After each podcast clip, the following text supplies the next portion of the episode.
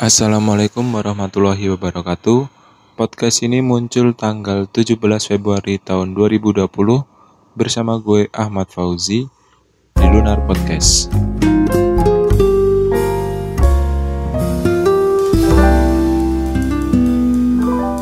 Oke, apa kabar semua untuk pendengar-pendengar setia gue? Gue yakin gue juga banyak pendengar-pendengar setia ya. Jadi kesempatan kali ini gue bakal bawain tema yang agak sedikit beda. Kenapa? Karena tujuan gue pertama di sini mau mengangkat tema ini untuk mempromosikan wisata wisata yang ada di daerah tempat tinggal gue, yaitu di Kulon Progo. Yaitu temanya referensi tempat wisata di Kulon Progo part 1. Kenapa gue bilang part 1?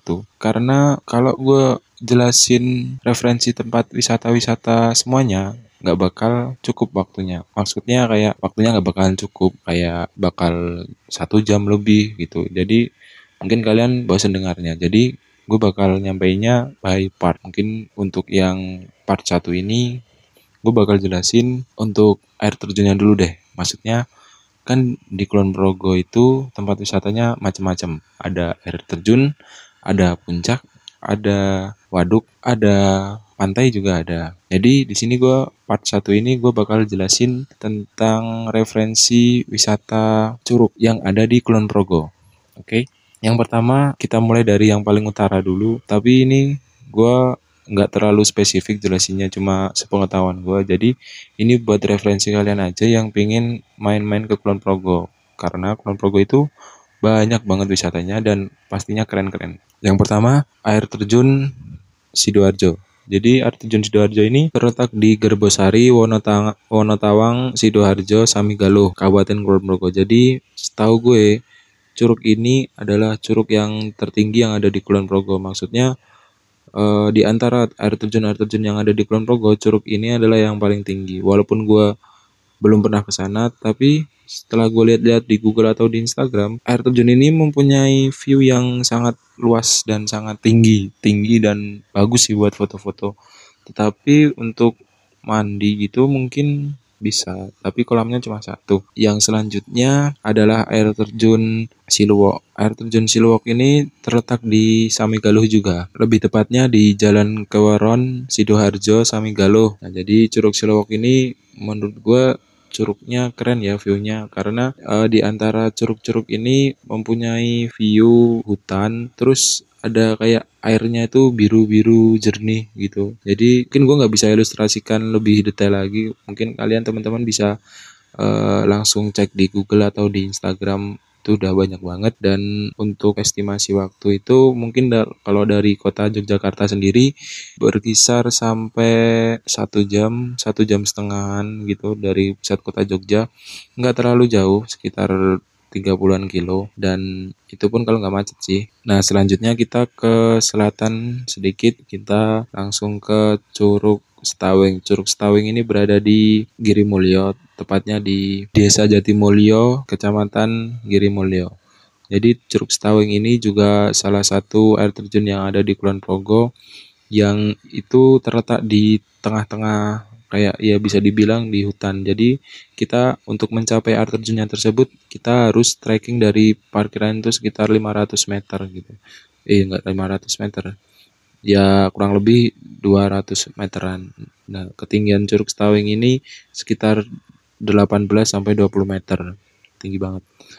Tapi uh, debit air air terjunnya ini bisa dilihat pas ya pas musim hujan. Kalau musim kemarau itu kadang kering nggak ada aliran airnya gitu tapi emang viewnya masih bagus banget untuk area di situ nah selanjutnya air terjun gua kebon. Air terjun gua kebon ini uh, cukup unik karena ada goa di dalam di air terjun itu di tengah-tengahnya itu ada pintu masuk ke dalam goa gitu loh. Dan lokasinya itu berada di, di tengah hutan dan apa rimbun oleh pepohonan berbagai berbagai macam pepohonan dan tumbuhan gitu loh. Membuat tempat ini tuh sejuk banget untuk didatengin itu hawanya itu enak banget. Nah lokasinya sendiri air terjun Gua Kebon ini berlokasi di Kecamatan Panjatan Kabupaten Kulon Progo. Jadi di pojok selatan di Panjatan sana. Yang selanjutnya kita ke tengah ke masih ke Jatimulyo ini uh, area yang selanjutnya yaitu di air terjun Grojogan Sewu. Grojogan Sewu ini terletak di Beteng, Desa Jatimulyo, Kecamatan Girimulyo. Gue dulu pernah ke air terjun Grojogan Sewu ini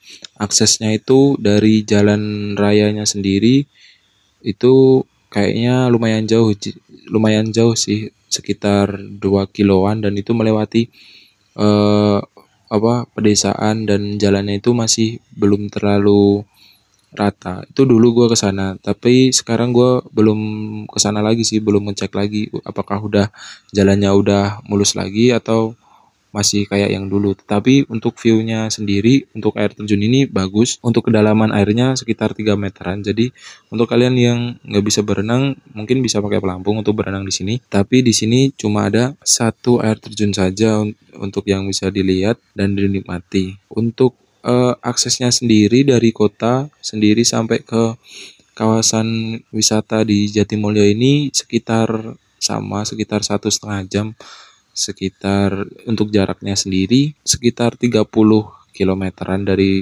kota Jogja. Kalau nggak salah ya 30 atau 40 km.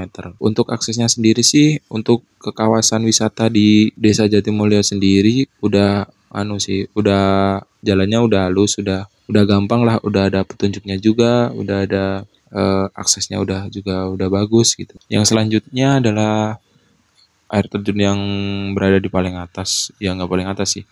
Jadi yang selanjutnya itu ekowisata Taman Sungai Mudal. Jadi Curug Sungai Mudal ini bisa dikatakan curug yang paling diminati oleh pelanggan karena di sini fasilitasnya udah apa ya udah cukup udah lebih dari cukup malah menurut gua. Masalahnya di sini tuh lengkap banget apa fasilitasnya mulai dari musola, kamar ganti, WC, ada wifi-nya juga. Terus ada apa tempat outboundnya tempat aula buat kalau ada yang mau nginep di situ. Ada camping ground juga. Terus dan yang paling unik itu air terjun Sungai Mudal ini uh, air terjun air terjunnya itu bertingkat-tingkat. Jadi uh, nggak cuma air ter, satu air terjun. Jadi ada bertingkat-tingkat itu. Dan kolam yang bisa untuk mandi pun ada banyak sekitar uh, ada berapa ya sekarang? satu, dua, tiga, empat, lima. Ada lima kolam yang bisa untuk berenang dan itu pun bervariasi dalamnya mulai yang paling cetek itu sekitar setengah meter untuk anak-anak, ada yang dua meter, ada yang dua meter setengah, yang paling dalam gitu. Dan itu sih paling family banget ya masalahnya mulai dari anak-anak sampai orang dewasa pun bisa berenang di situ dengan nyaman gitu loh. Masalahnya dengan fasilitas yang lengkap gitu kan menjamin keamanan para pengunjung yang datang ke situ gitu loh. Ada penyewaan ban juga, ada penyewaan pelampung juga, jadi lengkap deh. Menurut gue eh, Taman Sungai Mudal ini tempat wisata yang paling di di apa ya dirawat oleh warga sekitar. Bener-bener paling dikembangkan lah. Dikembangkan dalam arti uh, setiap setiap tahun itu pasti ada perkembangan. Dan yang uniknya lagi dia paling atas itu ada sebuah goa atau sebuah aliran uh, goa yaitu berisi mata air yang mengaliri air terjun itu sendiri. Jadi kalau kita ke Sungai Mudal itu bakal airnya itu langsung dari mata air yang di dari atas gua kecil itu. Nah, di tingkatan kedua ini dari gua itu ada sebuah kolam itu buat terapi ikan. Jadi di sana juga ada ikan-ikan buat kita terapi kakinya itu terus digigit digigitin kecil-kecil gitu loh. Tahu sendiri kan udah pernah. Nah, di situ juga ada ada terapi ikan gitu. Dan ada fasilitas lainnya juga, ada warungnya juga yang kalau kalian lapar bisa langsung makan itu kan habis mandi habis berenang itu kan pasti lapar di situ juga ada warung gitu loh. Uh, yang selanjutnya yaitu kembang soka. Kembang soka ini letaknya nggak jauh dari taman sungai mudal jadi uh, dari sungai mudal ini kita nggak perlu jauh-jauh untuk ke kembang soka ini. Cukup ke selatan sedikit terus ke bawah sekitar 200 meteran atau 300 meteran kita udah sampai ke air terjun ke Bangsoka. Jadi sama untuk air terjun ke Bangsoka ini air terjunnya ini sifatnya bertingkat-tingkat gitu loh. Tapi gue belum pernah ke sana, tapi gue setelah lihat-lihat di IG juga dari tempatnya pun kayaknya udah dirawat bener-bener sama warga di sana dan dikelola bener-bener sama warga sekitar sana dan air terjunnya juga bertingkat-tingkat fasilitasnya pun udah sama lengkapnya kayak di Sungai Mudal gitu.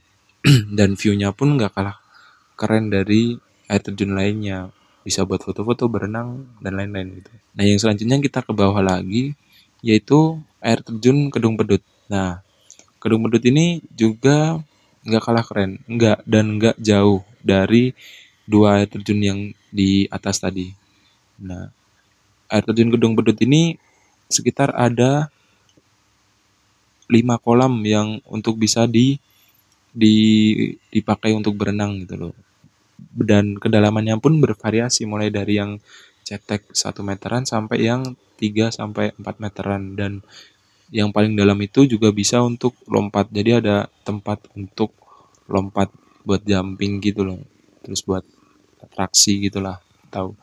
Untuk yang kalian suka lompat-lompat gitu dari ketinggian bisa lompat ke terjunnya itu dan dan menurut gua air terjun kedung, kedung pedut ini nggak kalah keren juga viewnya. Masalahnya dia ada di bawah gitu kan.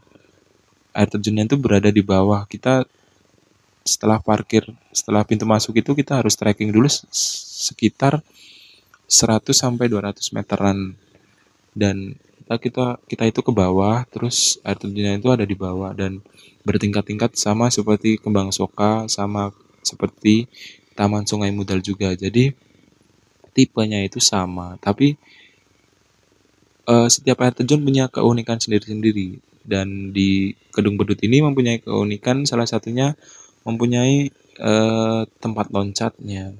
Ada yang area yang paling dalam itu ada tempat untuk loncat dan dan itu nggak dipunyai oleh Kebang Soka atau uh, Mudal itu. Mungkin Kebang Soka ada masalahnya gue belum pernah ke sana gitu. Nah untuk uh, Kedung Pedut sendiri udah dilengkapi dengan kayak spot-spot foto sih. Masalahnya ada kayak uh, sepeda gantung itu ada ada spot foto menarik lainnya lah intinya yang nggak kalian nggak bakal bosen di situ. Oh iya, gue lupa untuk retribusi sendiri di Sungai Mudal itu retribusinya sekarang sekitar 10.000 Terus Kembang Suka kayaknya ya sepuluh ribu. Kedung Pedut juga masalahnya itu kayak satu daerah gitu, satu kawasan. Jadi satu air terjun ke air terjun lainnya juga jaraknya itu berdekatan gitu. Jadi ya worth it lah kalau kalian ke Kulon Progo terus kalian main tuh jadi nggak cuma sa kalian nggak jauh kalian jauh-jauh dari Jogja terus cuma main ke satu tempat nggak jadi di Kulon Progo itu banyak tempat dan jarak antar tempat wisata itu berdekatan. Jadi untuk kalian yang bakal main ke Kulon Progo jangan takut kalian bakal cuma main ke satu tempat enggak. Kalian bisa pilih, tinggal pilih kalian mau pingin ke mana gitu. Kalian tinggal list aja kalian pengen ke mana. Ya kalian bisa search di Google atau di Instagram itu kan banyak tuh. Kalian tinggal pilih gitu. Nah mungkin itu aja yang bisa gue jelasin karena gue udah pernah ke sana atau belum. Dan yang pasti gue udah lihat udah lewat juga.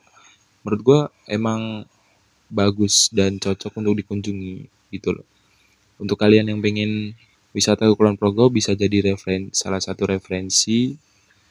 Dan pastinya nggak cuma yang gue jelasin tadi masih banyak banget air terjun air terjun yang ada di Kulon Progo. Masih ada sekitar berapa ya 20-an dan gue barusan juga search di Google ternyata ada air terjun baru yang baru dikelola oleh warga sekitar dan mau dijadikan tempat wisata. Jadi emang e, lagi gencar-gencarnya untuk e, me mengelola e, apa keindahan-keindahan alam untuk dijadikan wisata alam gitu loh. Jadi, jadi untuk kalian yang pengen Kulon Progo, main ke Kulon Progo e, bisa banget untuk uh, mengunjungi salah satu tempat yang gue udah sebutin tadi dan pastinya kalian gak bakal nyesel karena emang tempatnya keren-keren banget gitu. Nah, untuk part 2 dan part 3 selanjutnya mungkin gue bakal jelasin puncak atau gue jelasin waduk atau pantai atau yang lain. Bisa jadi bukan bisa jadi tapi emang pasti gue bakal jelasin tapi uh, bertahap. Nggak sekaligus. Ini aja udah hampir 20 menit gue jelasin air terjun aja di Kulon Progo gitu. Masih banyak wisata-wisata yang ada di Kulon Progo yang bisa kalian kunjungi. Dan yang pasti emang keren-keren. Gue ngomong kayak gini karena sebagian gue udah ngunjungin dan emang keren banget gitu loh. Gue pengen mempromosikan tempat wisata yang ada di Kulon Progo karena gue besar di Kulon Progo jadi gue harus bisa mempromosikan tempat salah satunya mempromosikan tempat wisata untuk apa ya membalas budi gue setelah gue hidup di Kulon Progo ini gue juga bisa mempromosikan ya sedikit-sedikit lah mungkin itu aja dari gue Kurang lebihnya mohon maaf. Sampai jumpa di podcast gue selanjutnya bersama gue Ahmad Fauzi di Lunar Podcast. Assalamualaikum warahmatullahi wabarakatuh.